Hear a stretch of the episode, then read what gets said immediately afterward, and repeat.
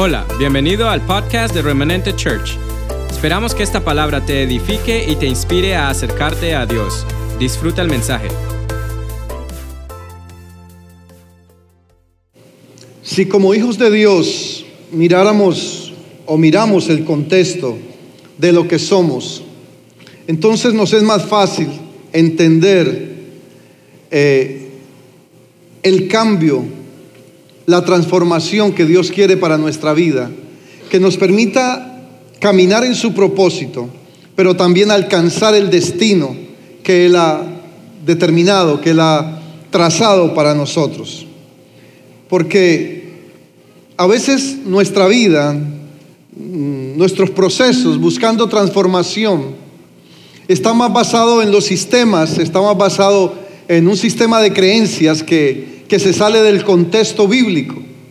Eh, cuando hablo del sistema de creencias, hablo de todo lo que creemos, cómo lo creemos, en quién creemos, pero sobre todo, quién determina mi sistema de creencias, basado en qué yo creo, basado en una tradición, basado en una cultura, basado en un sistema o basado en la palabra.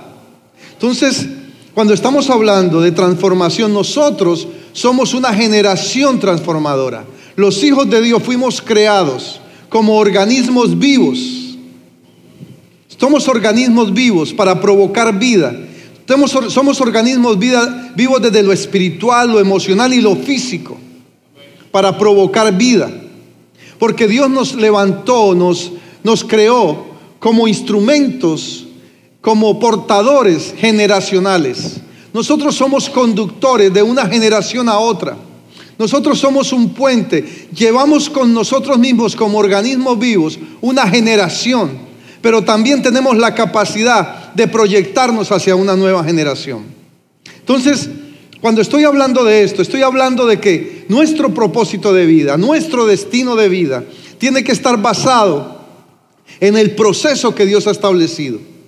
Y para ello te estoy hablando que Dios nos ha dotado de un sistema de creencias que tiene que estar basado en la palabra, aunque estamos expuestos a un sistema, el sistema de este mundo, el sistema de una nación, que trae una influencia sobre nuestras vidas. Nosotros somos a veces el producto de la influencia, o a veces no, todo el tiempo somos el producto de la influencia. Y lo que nos influencia es lo que nos va a liderar.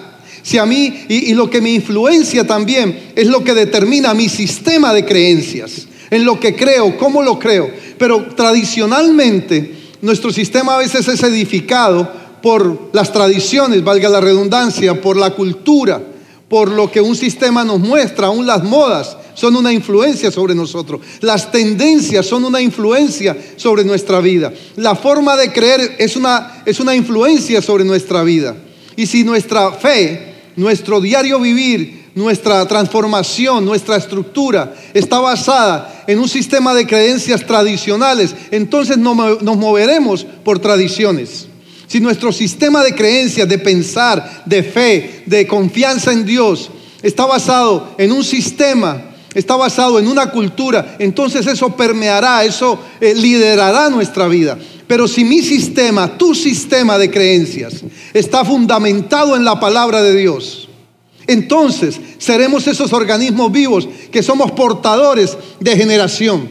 Tú eres un portador de generación. Tú eres un organismo vivo que cargas en sí una generación. ¿Qué significa eso? Que somos creados por Dios para provocar una transformación en nuestra vida y en la generación actual y en la que viene. Tú no estás por accidente, tú no estás por casualidad, tú eres un hijo de Dios. Dios tiene un propósito con tu vida. Dios ha trazado un destino para que tú afectes tu entorno, tu ambiente, lo que está a tu alrededor, pero especialmente para que afectes tu vida. Amén. Entonces te estoy haciendo esta introducción para que entendamos, para que nos fundamentemos y para que sepamos que somos más que simplemente un estilo de vida buscando cómo me supero. Somos más que eso. La palabra de Dios dice en Jeremías 29, 11, porque los planes, los pensamientos, los propósitos que tengo acerca de ti son planes, son propósitos de bien y no de mal. Yo quiero explicarte eso. No tiene que ver con lo bueno y lo malo necesariamente. Lo que quiere decir es que los pensamientos, los planes, los propósitos que Dios tiene acerca de ti tienen efectividad. Tienen la capacidad de producir para bien, para libertad, para cambio, para transformación. Tú eres un agente transformador. Tú cargas en ti mismo, tú contienes en ti mismo el poder, el derecho legal. Perdón que me estoy chupando un dulce. Para provocar transformación en tu vida primeramente, pero también en tu entorno. O sea, como organismos vivos, si tú no estás provocando cambios en tu vida, en tu entorno, en tu ambiente, en lo que, por lo menos lo cercano, revisa porque hay algo que está muerto en ti. ¿Por qué? Porque la palabra me dice que Dios nos creó para que constantemente viviéramos procesos de metamorfosis, de cambio. Es, es moverme de un estado a otro. Tú tienes, y no hablo del estado de Virginia, al estado de Maryland, no estoy hablando de eso. Hablo de una condición a otra. Tú tienes el derecho, la autoridad, tú tienes el beneficio de que si tú estás viviendo una etapa de sequedad, una etapa de estancamiento, una etapa donde nada sucede, Dios ha puesto en ti una fuerza mayor de vida para que tú te forces y te muevas a provocar esos cambios que te van a llevar a alcanzar el propósito de Dios. Y eso está en nosotros. ¿Qué significa eso? ¿Qué significa que contenemos un poder transformador? Que estamos creados para crear constantemente una transformación. Todos los días, la palabra de Dios dice que las misericordias de Dios son nuevas cada mañana. Significa que Dios tiene para ti algo nuevo cada mañana. Dios ha preparado algo nuevo cada despertar. Dios está ahí para responder a su palabra, a su promesa. Significa que si no está sucediendo esto en tu vida, Debo tomar identidad de lo que Dios dice. Debo tomar, debo alinearme con lo que Dios ha, ha declarado acerca mío, acerca tuyo. Ese poder transformador, como te digo, hace que se provoque una constante, una constante metamorfosis en nuestra vida. Que, que pasemos de un estado a otro, que haya cambios. ¿Para qué? Para que lo que nuestra vida contenga sea basado en lo que somos y no necesariamente o totalmente en lo que hacemos. El gran problema es que a veces buscamos la transformación basado en qué logro, basado en qué hago, basado en qué sé, basado en el conocimiento, basado en muchas cosas, en las herramientas, pero no en lo que realmente soy. ¿Por qué? Porque lo que la palabra dice tiene que determinar lo que yo soy, no lo que yo hago. Míralo de esta manera. La palabra determina lo que yo soy, para que lo que yo soy determine lo que yo hago. Póngalo en Facebook. La palabra determina lo que tú eres, para que tú determines lo que tú haces. Entonces, a raíz de eso, a causa de lo que soy, tengo la capacidad de provocar una constante transformación. Dios me habilita, Dios me capacita, Dios me da el, adiestramiento, el entrenamiento, me da el poder para provocar una transformación y ser entonces esa generación transformadora. Amén. Ahora sí voy a empezar a predicar. Abre tu Biblia. En Génesis capítulo 28, perdón, 32. Y te voy a hablar de una generación transformadora. Tú eres, tú y yo, somos una generación transformadora. Tú joven, eres parte de una generación transformadora. Amén. Génesis capítulo 32, versículo 22. Vamos a leer del 22.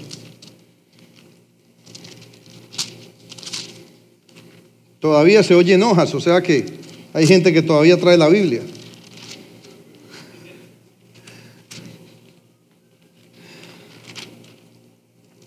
Génesis 32, 22. Y se levantó aquella noche y tomó sus dos mujeres y sus dos siervas y once hijos y pasó el vado de, Jaboc.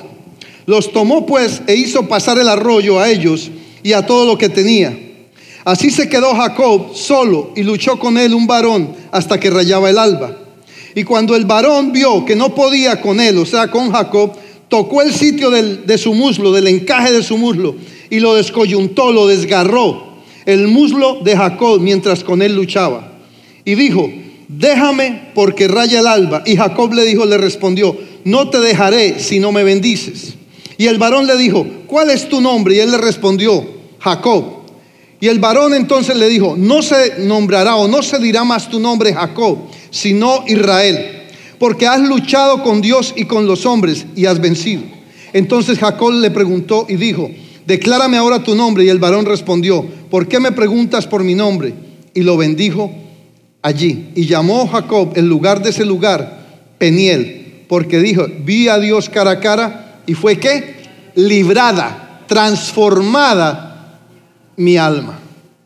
¿Qué sucedió? Ese fue el punto de encuentro de Jacob con Dios que provocó una transformación, pero que también a causa de esa transformación trajo identidad.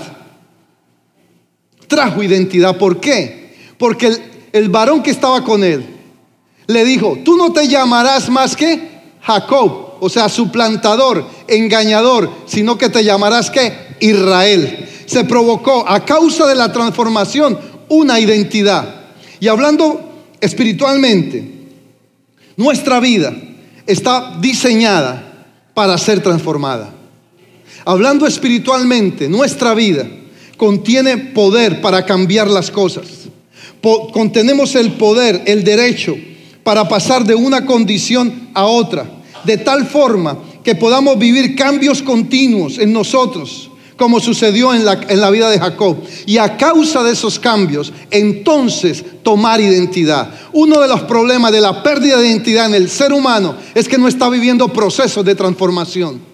Cuando no hay transformación en mi vida, no hay identidad, porque la transformación me lleva al cumplimiento de un propósito. Y esa identidad con ello, esa identidad de lo que soy, de lo que soy, de lo que soy. Me da la capacidad, la autoridad, la libertad para lo que Dios quiere que yo haga. Y entonces aparte, a partir de ahí, lo que yo haga va a ser efectivo, lo que yo haga va a dar fruto, lo que yo haga va a estar alineado con lo que Dios dijo. El problema es que aún como hijos de Dios tenemos mucha agenda en la cabeza, tenemos mucho conocimiento, pero eso no está reflejando lo que verdaderamente hacemos o lo que verdaderamente Dios quiere que hagamos. Porque lo que conocemos, porque lo que tenemos no está transformando nuestra vida. Y mientras mi vida no sea transformada a causa de lo que contengo, tampoco lo que yo haga provocará transformación.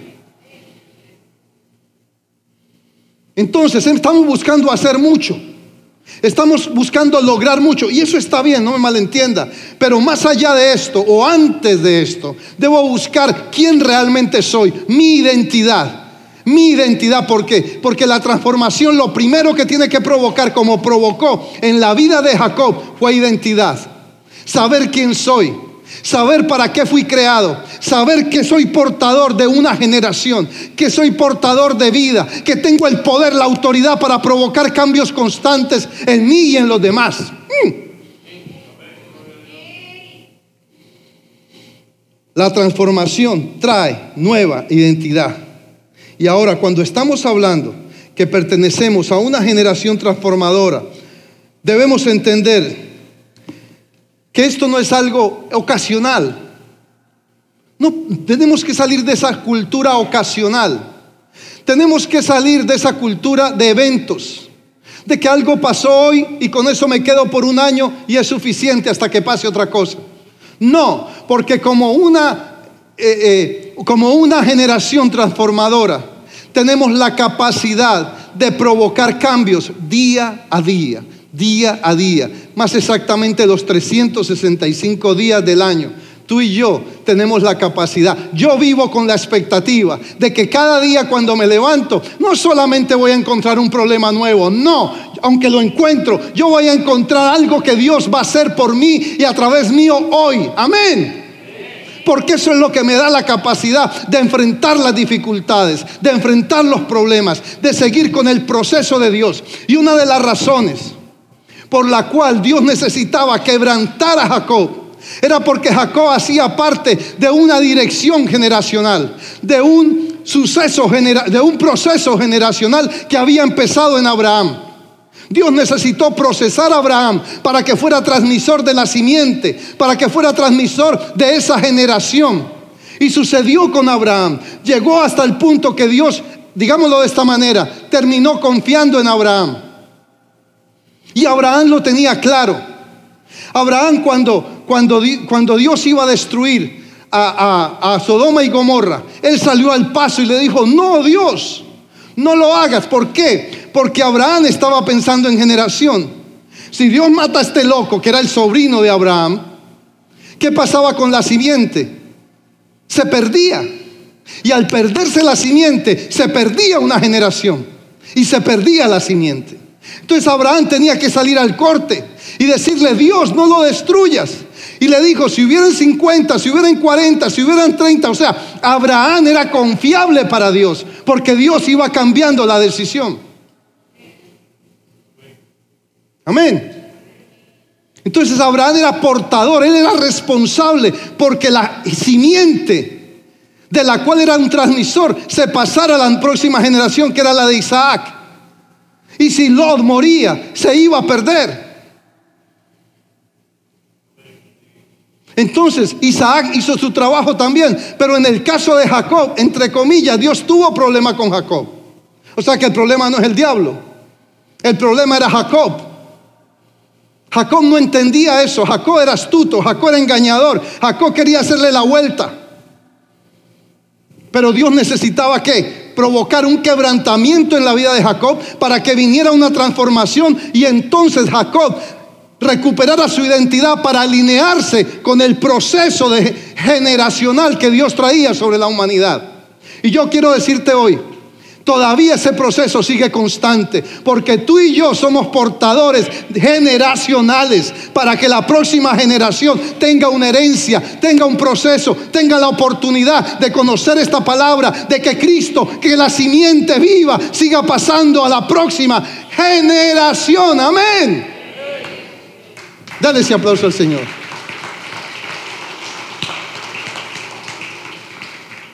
Y en estos procesos, dentro de esa renovación, Dios toma un hombre, Dios toma una mujer. Venimos a Cristo. Suceden dos cosas que son comunes en medio nuestro, dentro de ese proceso de transformación. Venimos a Cristo, aceptamos a Cristo, entramos en el primer amor, entramos en una dimensión que nos dicen, vamos para la iglesia, vamos para la iglesia. Vamos a predicar, vamos a predicar. Vamos a evangelizar, vamos a evangelizar. Todo donde nos digan, vamos. Cuando recibimos a Cristo. Tenemos esa hambre, tenemos ese anhelo. Hay algo que, que está nuevo en mi vida que produce aquello. Somos bebés, todo lo creemos, todo lo que nos dicen, hasta los religiosos lo creemos. Pero ¿sabe qué sucede? En ese momento es cuando estamos en ese primer amor que recibimos nuestro sistema de creencias.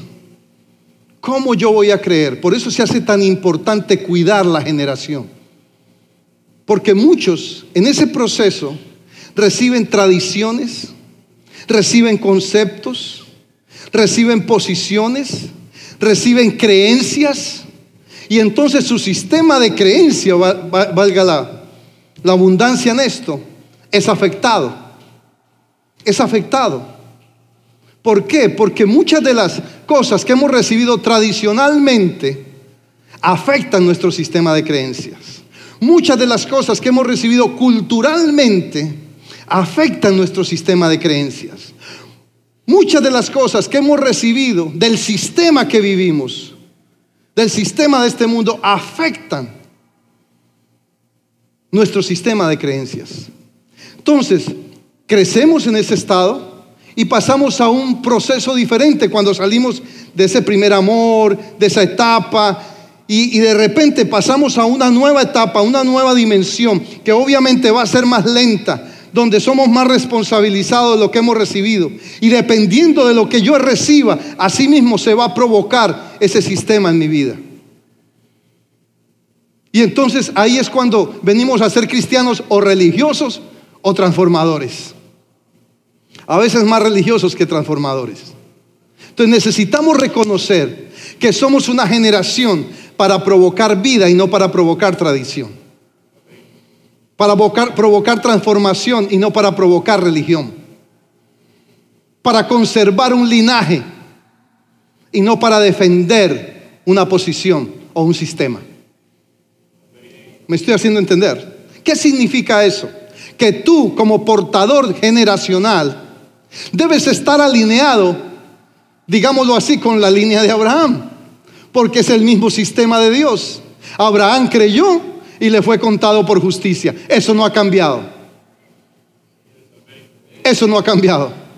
Entonces venimos de la misma, del mismo vástago, de la misma raíz, de la misma línea generacional. Somos portadores, todavía seguimos portadores de una simiente, aunque en Cristo se hizo manifiesto e hizo la obra y fuimos redimidos. Y el enemigo no terminó de matar esa simiente, pero todavía hay una simiente para que haya herencia de parte de Cristo a las nuevas generaciones. Y tú y yo somos responsables, somos portadores para que esta generación de jóvenes que nos rodea hereden algo que contenga vida, que no hereden más una tradición, que no hereden más una cultura, que no hereden más un sistema, que hereden la bendita palabra de Dios que cambia, que transforma, que libera, que restaura, que da vida, que prospera. Amén. Dale ese aplauso al Señor. Entonces, Dios quiere que evaluemos no solamente nuestro sistema de creencias, pero nuestra condición de vida. Hay pecados sutiles como los había en la vida de Jacob. Jacob era un hombre de herencia. Jacob era nieto de Abraham. Pero Jacob vivía enredado en pecados sutiles era engañador, era suplantador, era vivaracho, como se dice. Ese nunca perdía. Mínimo empataba, pero nunca perdía. Porque era astuto. Pero Dios necesitaba quebrantar esa cerviz para que Él retomara su identidad. Nosotros necesitamos retomar nuestra identidad. Y hay a veces zorras pequeñas cosas que hay en nuestra vida, murmuración, crítica, cositas tan pequeñas que las hemos vuelto cultura. El pecado, escúchame, aunque hay una cultura de pecado, el pecado no hace parte de la cultura. Otra vez, Aquí, aunque hay una cultura de pecado, el pecado no tiene que hacer parte de mi cultura. ¿Por qué? Porque culturalmente hemos añadido a nuestra cultura pecadillos murmuración, chisme, crítica. Ah, es que los hispanos somos así. No, Señor, yo no. Yo no quiero ser así. Yo no acepto ese concepto. Ah, es que la cultura hispana, ah, usted sabe cómo somos. Pues es cultura, pero nosotros pertenecemos a un sistema de Dios, no a una cultura, aunque vivimos en una cultura. Entonces hemos terminado aceptando cosas que dañan, que dañan mi vida y dañan a otros. Pero sobre todo, retienen la simiente. Tú no quieras que la próxima generación herede los mismos vicios que tú y yo hemos traído tradicionalmente. Yo no quiero que nuestros jóvenes, que nuestros niños hereden la cultura, yo quiero que hereden los valores. Te voy a matar una vaquita y te voy a poner a llorar y a lo mejor a que no me quieras. No todo lo que tu abuelo y tu abuela o mi abuelo y mi abuela nos dijeron era cierto. Diga ay, diga amén. Ellos son buenos contadores de historia y son sabios, pero no todo lo que nos dijeron tenía contenido. Y a veces defendemos más las historias de abuelito y de abuelita que la palabra. Porque defendemos más la tradición, la cultura, que la palabra. Ah, es que yo soy así, en mi casa me enseñaron así. Eso es lo que mi papá y mi mamá creían. Y eso es lo que yo creo y eso no va a cambiar. Y llegamos a la iglesia y seguimos pensando así. Llegamos a Cristo y seguimos pensando así. Por eso es que tiene que haber quebrantamiento y perdemos. Eso hace que perdamos la identidad, porque nuestra verdadera identidad está en la palabra y en Cristo, no está en la cultura. No está en el sistema errado y tradicional de creencias, está en un sistema de vida, de creencias, de vida. Mis palabras son espíritu y son vida. santifícanos en tu verdad. Tu palabra es verdad. Entonces, déjame decirte esto. Dios quiere equiparnos como una nación, diciendo de esa forma, como una iglesia, como un pueblo que sea portador de vida y transformador para otros. Esta semana alguien me compartía algo que, que, golpeó mi vida y es en cuanto a los jóvenes. Y quiero que entiendas esto que voy a hacer. Yo ya no quiero hacer una iglesia para una generación pasada. Yo quiero hacer una, iglesia para una generación presente y futura. Porque siempre decimos, ay pastor, es que si usted supiera cómo era en mi país, si las cosas fueran en la iglesia como las hacíamos en mi país, oh pastor, yo también traigo cosas buenas y tradicionales de la historia bíblica y de la historia eclesiástica de mi país. Yo me crié en el Evangelio. Yo nací en una iglesia, literalmente. Me presentaron, apenas nací, mi abuelo me presentó. Crecí en la iglesia. Yo no jugaba carrito, yo saltaba en las sillas de la iglesia. Yo sé lo que te estoy diciendo. Ah, fue bueno, estableció valores, pero también estableció tradición. Y hubo muchas cosas que recibí que hoy en día no me sirven tengo que sacarlas porque fueron parte de la tradición. Y yo no quiero que nuestros hijos hereden eso, sino que hereden la vida que hoy conozco de la palabra. Porque la simiente fue depurada, porque Jacob fue derrengado. Y no es obligación. No tenemos que pasar por lo mismo de Jacob para que una nueva generación se levante. Entonces el Señor me hablaba en estos días algo. Yo quiero como pastor levantar una iglesia y yo los invito a ustedes, padres, a que levantemos una iglesia para la próxima generación.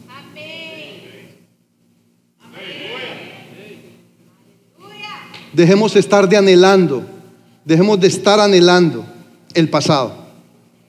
Fue bueno, no, no todo fue malo, pero la nueva generación necesita vida. Los hijos que están creciendo los hijos que están naciendo, los hijos que están en los vientres, merecen una mejor herencia. Oh, come Yo, le oro a Dios que, que entendamos esto. Porque o si no, escúcheme esto, entre Samuel y David se perdió una generación. En Egipto se perdieron 10 generaciones, 40 años. Cada generación dura 40. Y fueron 400 años y un poco más, 430. Se perdieron 10 generaciones que no conocieron esta palabra, que no conocieron la promesa, que no conocieron la transformación, que lo único que veían era barro y ladrillo todo el tiempo. Yo no estoy enojado, estoy defendiendo esta nueva generación.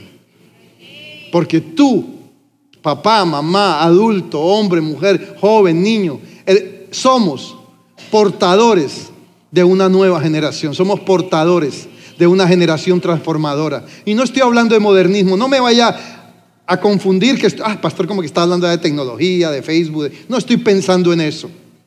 Esos son solo herramientas que trajo el modernismo y que son buenas y son bien usadas. Pero no estoy hablando de eso. Cuando hablo de una nueva generación, claro, como el pastor está pensando en Instagram por los muchachos, está pensando en Facebook, en WhatsApp, en el pajarito. No, yo estoy pensando en una generación que herede el poder de la palabra, no el poder de la tradición. Yo no quiero, mire hermano, usted no sabe cuántos años me costó deshacerme de la religión. Fue tan fuerte, hermanos, en una etapa de mi vida de joven, que me habían metido tanto religión que yo caminaba así como caballo percherón para no ver el pecado.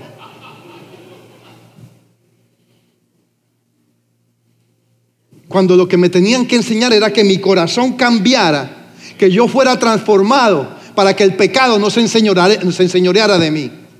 Y cuando eso sucede, el Espíritu nos permite discernir entre el bien y el mal. Nuestros jóvenes necesitan aprender eso. No será la tradición la que los detenga. No será la, la religión la que los transforme. Será el poder de la palabra hecho vida en ellos. Una simiente pura, una simiente limpia, una simiente de libertad, de bendición. No de libertinaje, no me vaya a confundir. De cambio. ¿Por qué? Porque lo que hasta ahora ha pasado, el no entender esto, nos da una identidad equivocada. Voy a decirte algunas cosas que el no entender esto provoca en nuestras vidas y ha estado provocando por años. Nos ha dado una identidad equivocada porque nos identificamos más con una religión que con la palabra. Y algunos se ponen hasta camisa blanca. No, pues no lo digo por mí, pero... Y corbatica negra para ir a la iglesia todavía.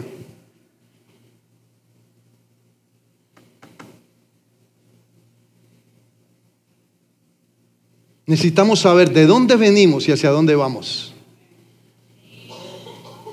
Y retomar como Jacob. Jacob retomó su identidad. Ya no fue más Jacob, fue Israel. Así te tengan que romper el muslo. En segundo lugar, esto lo que ha hecho provocar es un pensamiento religioso en nosotros. En contra del pensamiento bíblico. Nos enseñó a adorar un Dios ausente Usted sabe la mano de manigueta que yo tuve que dar de niño y de joven para que Dios bajara. Desciende aquí, desciende aquí, desciende aquí.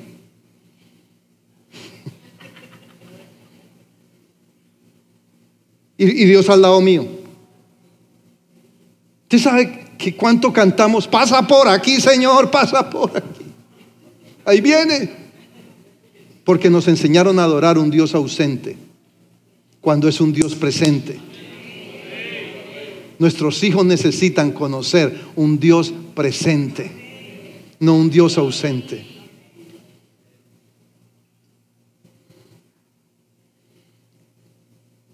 Esto trae una mente cerrada. El no entender que somos portadores. Gente cree como en, inglés suena tan bonito, open mind. Yo soy open mind. Oh, cuando usted dijo eso, usted ya siente que habla inglés. Ya cuando usted dice, sí, open mind, uno dice, oh.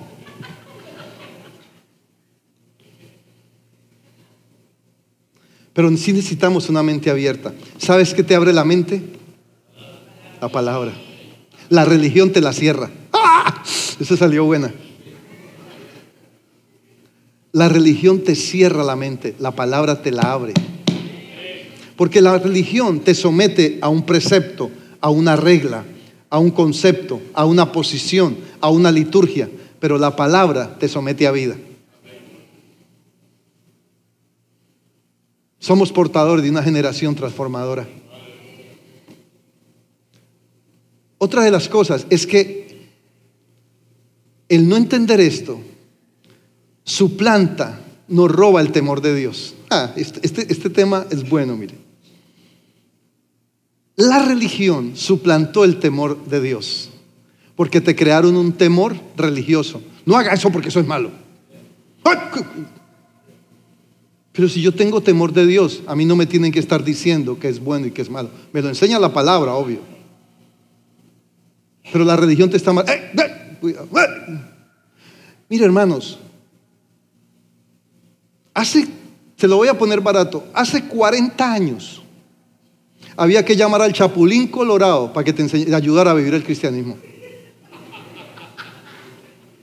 Porque uno decía, ¿y ahora esto cómo? ¿Y ahora quién podrá defenderme? Porque te decían, el diablo te pidió para zarandearte. Ah, ¿y ahora quién podrá defenderme? Imagínense que a uno a los 13 años o 15 años venga un irresponsable religioso, cara lavada, y te diga, el diablo te pidió para zarandearte. Hermano, eso queda uno hasta de psicólogo.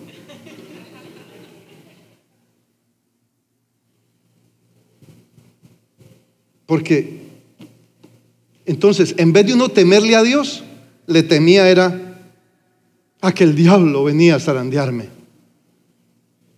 ¿Me está entendiendo lo que le estoy diciendo? Me estoy haciendo entender, iglesia. Porque el no entender que somos parte de una herencia, que hay un derecho legal que nos convierte en una generación transformadora, hace que sucedan estas cosas. Nos, da una identidad equivocada, nos da un pensamiento religioso, caminamos en una mente cerrada, nos roba el temor de Dios y, y no amamos la verdad. Porque amamos es el cuento religioso. No haga esto, esto es malo, esto es bueno. Pero cuando conocemos esa palabra, mira, si instruye al niño en su camino, y cuando fuere grande, ¿qué pasa? No se apartará. Era todo lo que tenían que hacer. No enseñarme religión, enseñarme vida. Yo sé de lo que te estoy hablando. No enseñarme una tradición de abuelitos. Las parábolas no son historia. miren, nosotros hemos, híjoles, que... Pero bueno, ustedes me jalan la lengua. Nosotros hemos culturizado a veces tanto conforme a nuestra cultura. Mira, la Biblia no tiene que adaptarse a nuestra cultura, nuestra cultura tiene que adaptarse a la Biblia. Lo hemos hecho al contrario. Entonces, en la escuela dominical, contémosle una historia a los niños para que se entretengan. No, a los niños hay que decirles la verdad conforme a la... Instruye, no contarle historias, instruye. Tenemos que cambiar el sistema de enseñanza, porque hay una nueva generación. Tampoco te estoy diciendo que le traigas el PlayStation a la iglesia, no. Ni el Xbox, o ahora cuál hay, yo no sé si ya hay otra cosa nueva, porque todos los días uno se queda atrás. Enséñale, instruyelo, enséñale la palabra, desde la casa. El no entender que somos una generación transformadora, le hemos dado la responsabilidad a la iglesia a que instruya al niño en su camino. No, el niño lo instruye en su camino papá y mamá.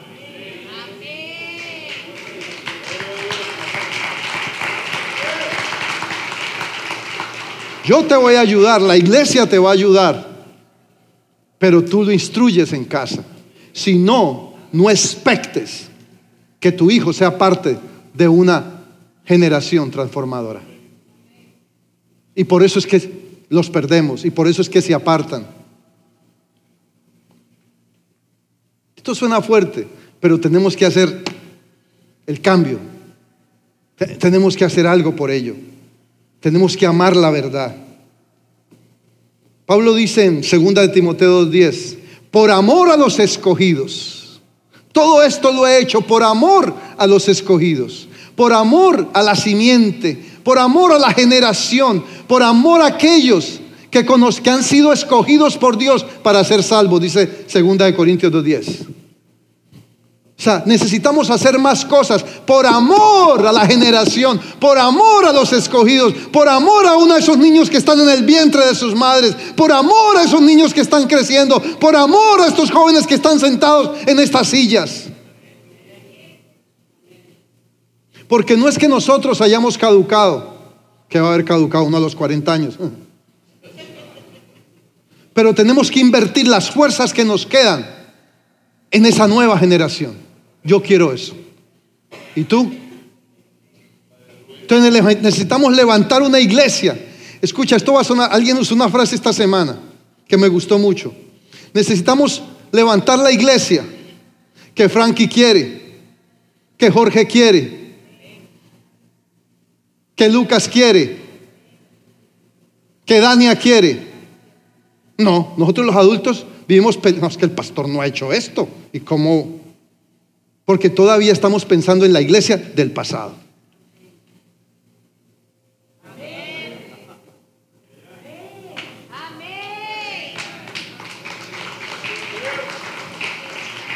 Diga, ay, los, los muchachos están así.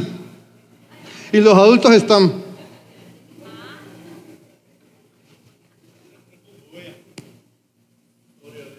Somos una generación transformadora. Y lo que quizá yo no logré, yo quiero que los jóvenes lo logren. Pero en Cristo. En Cristo. Yo no quiero que mi hijo sea lo que yo soy. Ni siquiera que sea pastor si no quiere, que sea lo que Dios ha determinado para él, pero yo debo abrirle el camino. Yo le voy a decir algo, y esto es algo de familia, y mis hijos lo pueden decir, jamás los he presionado a que sean ministros. Yo solamente les he enseñado la Biblia, los principios, y he buscado darles ejemplos lo más que puedo, aunque me equivoco. Pero nunca, siendo los hijos del pastor, ellos han sentido esa presión de su papá de que son los hijos del pastor. Y usted tiene que... Obviamente hay una demanda como familia, pero esa demanda no cae sobre ellos. Esto es cambiar sistema de creencias, lo que estoy. Lo que yo estoy haciendo con esta palabra es rompiendo el sistema de creencias tradicional, cultural, sistemático, a un sistema de creencias, de acuerdo a la palabra, para este nuevo tiempo que Dios trae. Porque los tiempos de Abraham fueron diferentes a los tiempos de Jacob. Y los tiempos nuestros son diferentes a los tiempos de Jacob. La tierra en que Abraham vivía era Ur de los Caldeos. Era una tierra pagana. Aquí le puedo explicar mejor eso. ¿Sabe lo que Abraham hacía? Abraham, su familia, tenían una empresa de hacer ídolos, estatuas, para vender. Imagínese cuál era el ambiente. Pero mire esto que le voy a decir. Porque es que Dios saca el mejor petróleo del desierto. Yo me preguntaba, ¿por qué Dios tenía que escoger a alguien? Escuche esto que le voy a decir porque es bien loco. A alguien que adoraba a otros dioses, que es más, promovía la idolatría, el paganismo. ¿Por qué tenía que escoger a alguien así? Eso está loco. Yo le voy a decir por qué. Porque Dios vio en Abraham el potencial de adoración.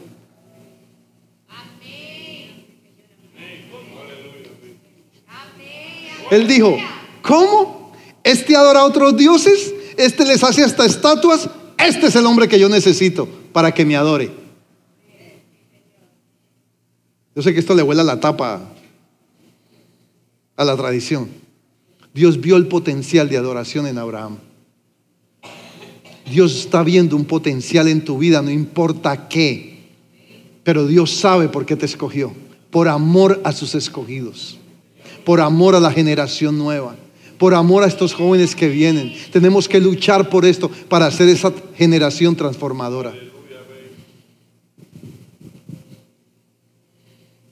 Y de ahí lo sacó Dios, de Ur de los Caldeos, para entrar a una nueva de, misión, eh, eh, dimensión. Y, voy a saltarme un, porque ya dije mucho, pero te voy a decir algunas cosas que, que nos permiten entrar en esa dimensión de lo que te estoy hablando.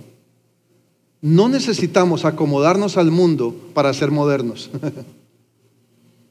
No, no nos tiene que liderar el sistema del mundo para estar compitiendo con ellos. Tenemos que entender qué es lo que Dios trae, el diseño, liberar la parte del diseño para este tiempo. Y entonces entenderemos lo que Dios va a hacer. Y caminaremos efectivamente. Pero Dios es un Dios generacional. Donde se muere la semilla, se muere el propósito. Y no hay transformación. Y hay una semilla que está dentro de ti, dentro de mí, para provocar un cambio en esta y en la próxima generación. Y necesitamos entenderlo y esforzarnos. ¿Cómo lo hago? ¿Cómo lo voy a hacer, pastor? Primero, siempre, todo lo que usted piense, todo lo que usted desee, todo lo que usted quiera, todo lo que usted anhele, si le quiere llamar una fórmula, una estrategia, todo lo que usted haga, tiene que empezar por Dios. No en la buena intención, no en el buen deseo, no en la buena estrategia, no en la habilidad, no en el conocimiento, sino en Dios. Vamos a Él y busquemos lo primero y reconozcamos en qué condición está mi sistema de creencias para que sea transformado. En mis costumbres, en mis creencias, en mis ambiciones, en mis puntos de vista, en mis recomendaciones, en mis pensamientos y enfoquémonos en lo que Dios espera de mí. Colosenses 3:5, no nos conformemos a este siglo. Perdón, despojémonos del mundo, despojémonos de, de la carne.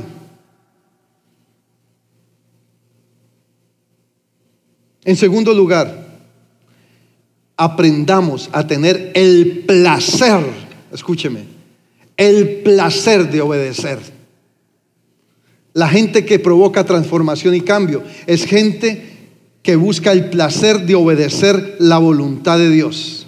Quizá al principio sea difícil, hasta aburrido a veces, pero cuando desarrollamos esa naturaleza de obediencia, Empezamos a disfrutar esto. Esto se hace bueno. Es más que una religión. Es más que una tradición. Porque la religión se vuelve aburrida. Usted sabe cuánta gente está corriendo hoy por hoy de la, de la religión, mejor antes de decir otra cosa. Está corriendo de las iglesias religiosas. Porque eso aburre. Porque eso seca. Y amén por los, o sea, no me malentienda. Yo respeto cada iglesia. Pero gente está ahorcada de ello, de conceptos, de posiciones, de demandas, de reglas, porque la única demanda efectiva está aquí. Entonces necesitamos buscar el placer de obedecer. En tercer lugar, renunciemos a esa vieja y tradicional forma de pensar. Dejemos las las confesiones de derrota. Visualicemos la transformación como un estilo de vida. Cada mañana al despertarse que en ti debo confiar, dice un coro. Dice que las misericordias de Dios son nuevas cada mañana. Eso me da una perspectiva diferente. Este es el día que hizo el Señor, día de alegría y de gozo. Me gozaré y me alegraré en el Dios de mi salvación. Amén. Eso, eso es un pensamiento diferente. Y eso no es religión. Rompamos, perdone lo que dije si, si ofendí. Yo respeto nuestros abuelos, porque mi abuelo, de hecho, fue el que me presentó al Señor. Ni siquiera fue mi papá o mi mamá. Y él me enseñó la palabra. Él no me enseñó historias, él me enseñó la palabra. Él era un gran teólogo. Tenía sus cosas. Pero necesitamos entrar Amar los abuelos, sí, ojo, no me malentienda. Tengo que aclarar, paréntesis. Amemos nuestros abuelos, amemos su sabiduría, pero no estamos obligados a guardar la herencia de tradición, sino de valores. Es otra cosa muy diferente. Una cosa es la cultura, una cosa es la tradición, una cosa es las costumbres, pero otra muy diferente son los valores. Y eso se tienen que mantener, porque los valores están basados en principios. Si no, no son valores. En cuarto lugar, lo que adoro me gobierna. Establezca una vida de adoración. Porque lo que adora me gobierna, lo que adoro me gobierna. Y nosotros oramos, adoramos al Dios de esta palabra.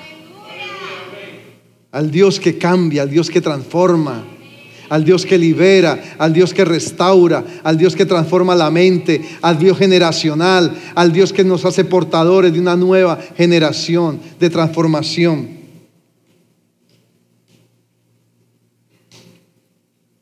Y en otras palabras, sométase a transformación. Sométase a transformación. No se rehúse a Dios.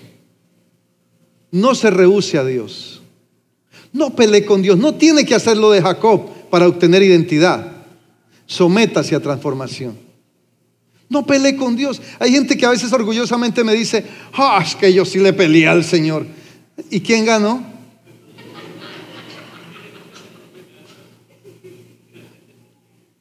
No, pues ganó Dios. Ay, qué bueno que me dijiste. Mi, padre decía, eso es pelea de, de tigre con burro amarrado. O sea, usted amarre un burro y suéltele un tigre y usted ya sabe quién gana. Entonces necesitamos someternos a Dios para ser portadores de generación transformadora. Y entonces eso lo aplicaremos en la casa, en la familia, en mi trabajo, en mi ministerio, en la iglesia, y veremos entonces que lo que no hemos podido transformar a causa de religiosidad será transformado a causa de que somos portadores de vida y que somos portadoras de generaciones transformadoras. Y entonces nuestros jóvenes serán afectados. Y no, necesitaremos, yo sé que uno de los grandes retos de los padres, especialmente cuando estamos iniciando, es cómo instruyo a mi hijo, cómo crío a mi hijo. Ese es el reto de todo padre normal. ¿Verdad, Valerie? ¿Verdad? Hilbert. Ese es un reto, porque un padre normal eso es lo que quiere.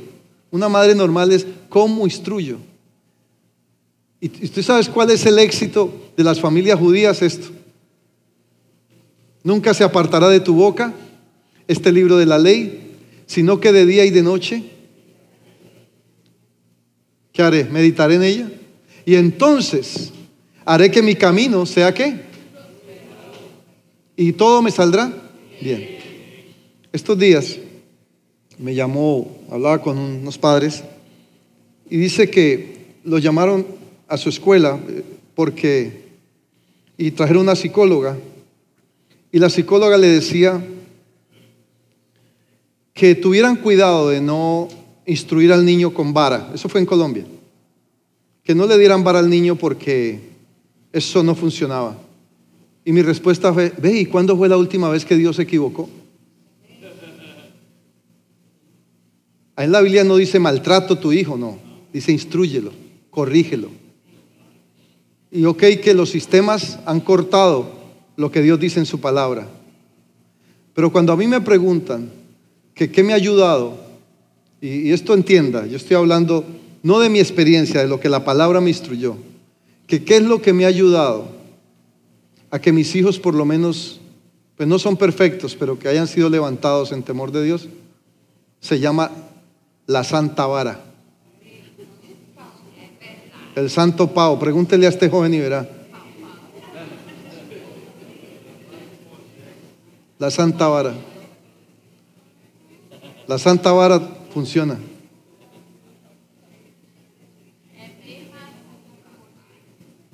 Hoy un silencio sepulcral. ¿A qué voy? Puede ser que Obviamente en esta nación, en este sistema, eso se ha prohibido. Pero eso todavía no cambia, que el principio siga vigente. ¿Me entiendes? Ya será, y, entiéndame, ya será un criterio suyo propio si lo hace conforme a la Biblia o no. Y no digo esto que voy a decir porque está grabado. pero no debo comprometer el principio. No debiera decirlo, pero lo voy a decir. Y con esto termino. Cuando Lucas tenía dos años, yo le había dado vara. Nunca le dábamos más de tres varazos. Pum, pum, pum. No más. Nunca le di con las manos.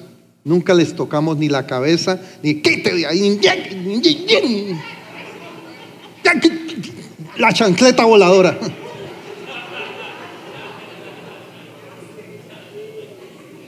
Esa chancleta tiene patente. Es de los descubrimientos científicos más fuertes de la historia, motorizados y todo. Y no pregúntele a Laine que tiene ocho.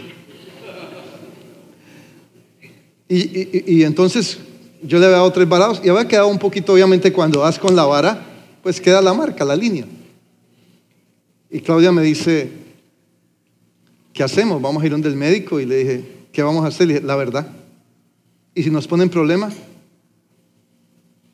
Esa era mi convicción, porque eso me funcionó. Esa era mi convicción. Usted no tiene que hacer lo mismo. Lo que les quiero llevar es que cuando entendemos que somos portadores de una generación transformadora, haremos todo lo que la palabra nos diga, aunque comprometa nuestro bienestar. ¿Me está entendiendo, iglesia? Y si un, joven viene y me dice, o mi hijo viene y me dice, ¿por qué lo haces? Voy a llamar al 911 y le digo, esto es mayor que el 911, papito.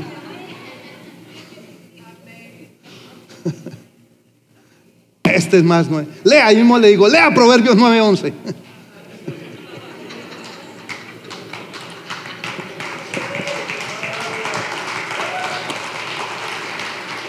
¿Esto por qué?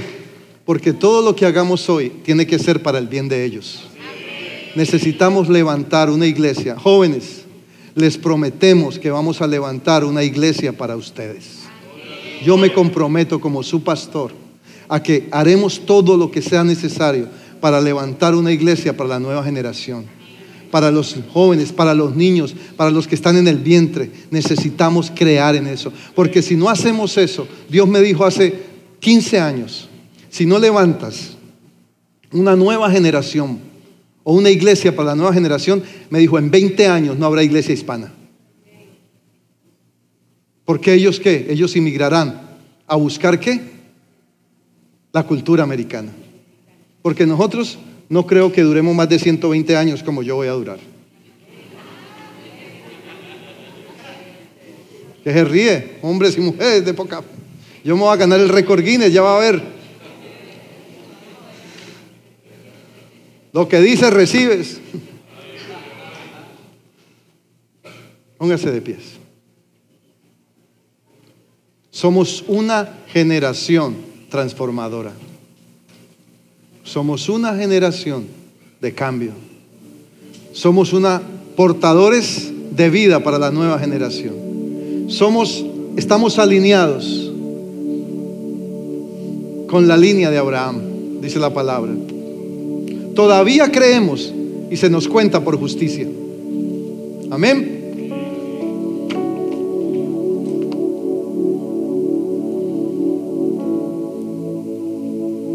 Padre, venimos delante de ti. Aleluya, Señor.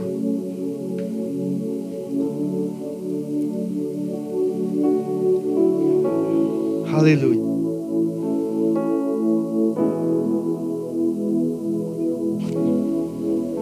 Padre, venimos delante de ti y nos humillamos, reconociendo que tú nos levantaste y nos creaste para ser portadores de vida, Señor.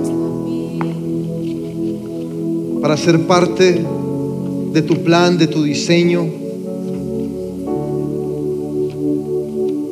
de tu propósito.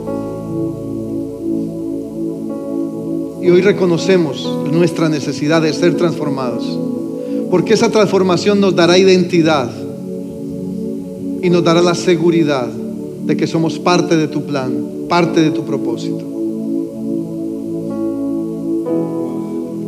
Queremos obedecer tu voluntad, Señor. Renunciamos a todo pensamiento, a toda vieja manera y tradicional de pensar, Señor. Rompemos toda confesión de derrota. Haznos hombres y mujeres de adoración. Y queremos obedecer porque obedecer trae transformación, Señor a nosotros, a nuestro entorno, a nuestro ambiente. Bendice cada joven, cada niño. Bendice cada adulto, cada aún bendecimos los abuelos, Señor, más allá de la tradición. Y hoy nos humillamos delante de ti. Permítenos tomar conciencia de que somos portadores, portadores de vida, de cambio, de transformación. Que no dejaremos morir la simiente de vida para la próxima generación. En el nombre de Jesús. Aleluya, Señor. Esperamos que este mensaje haya sido de bendición. No te olvides de suscribirte a nuestro podcast y seguirnos en Facebook e Instagram arroba remanente church.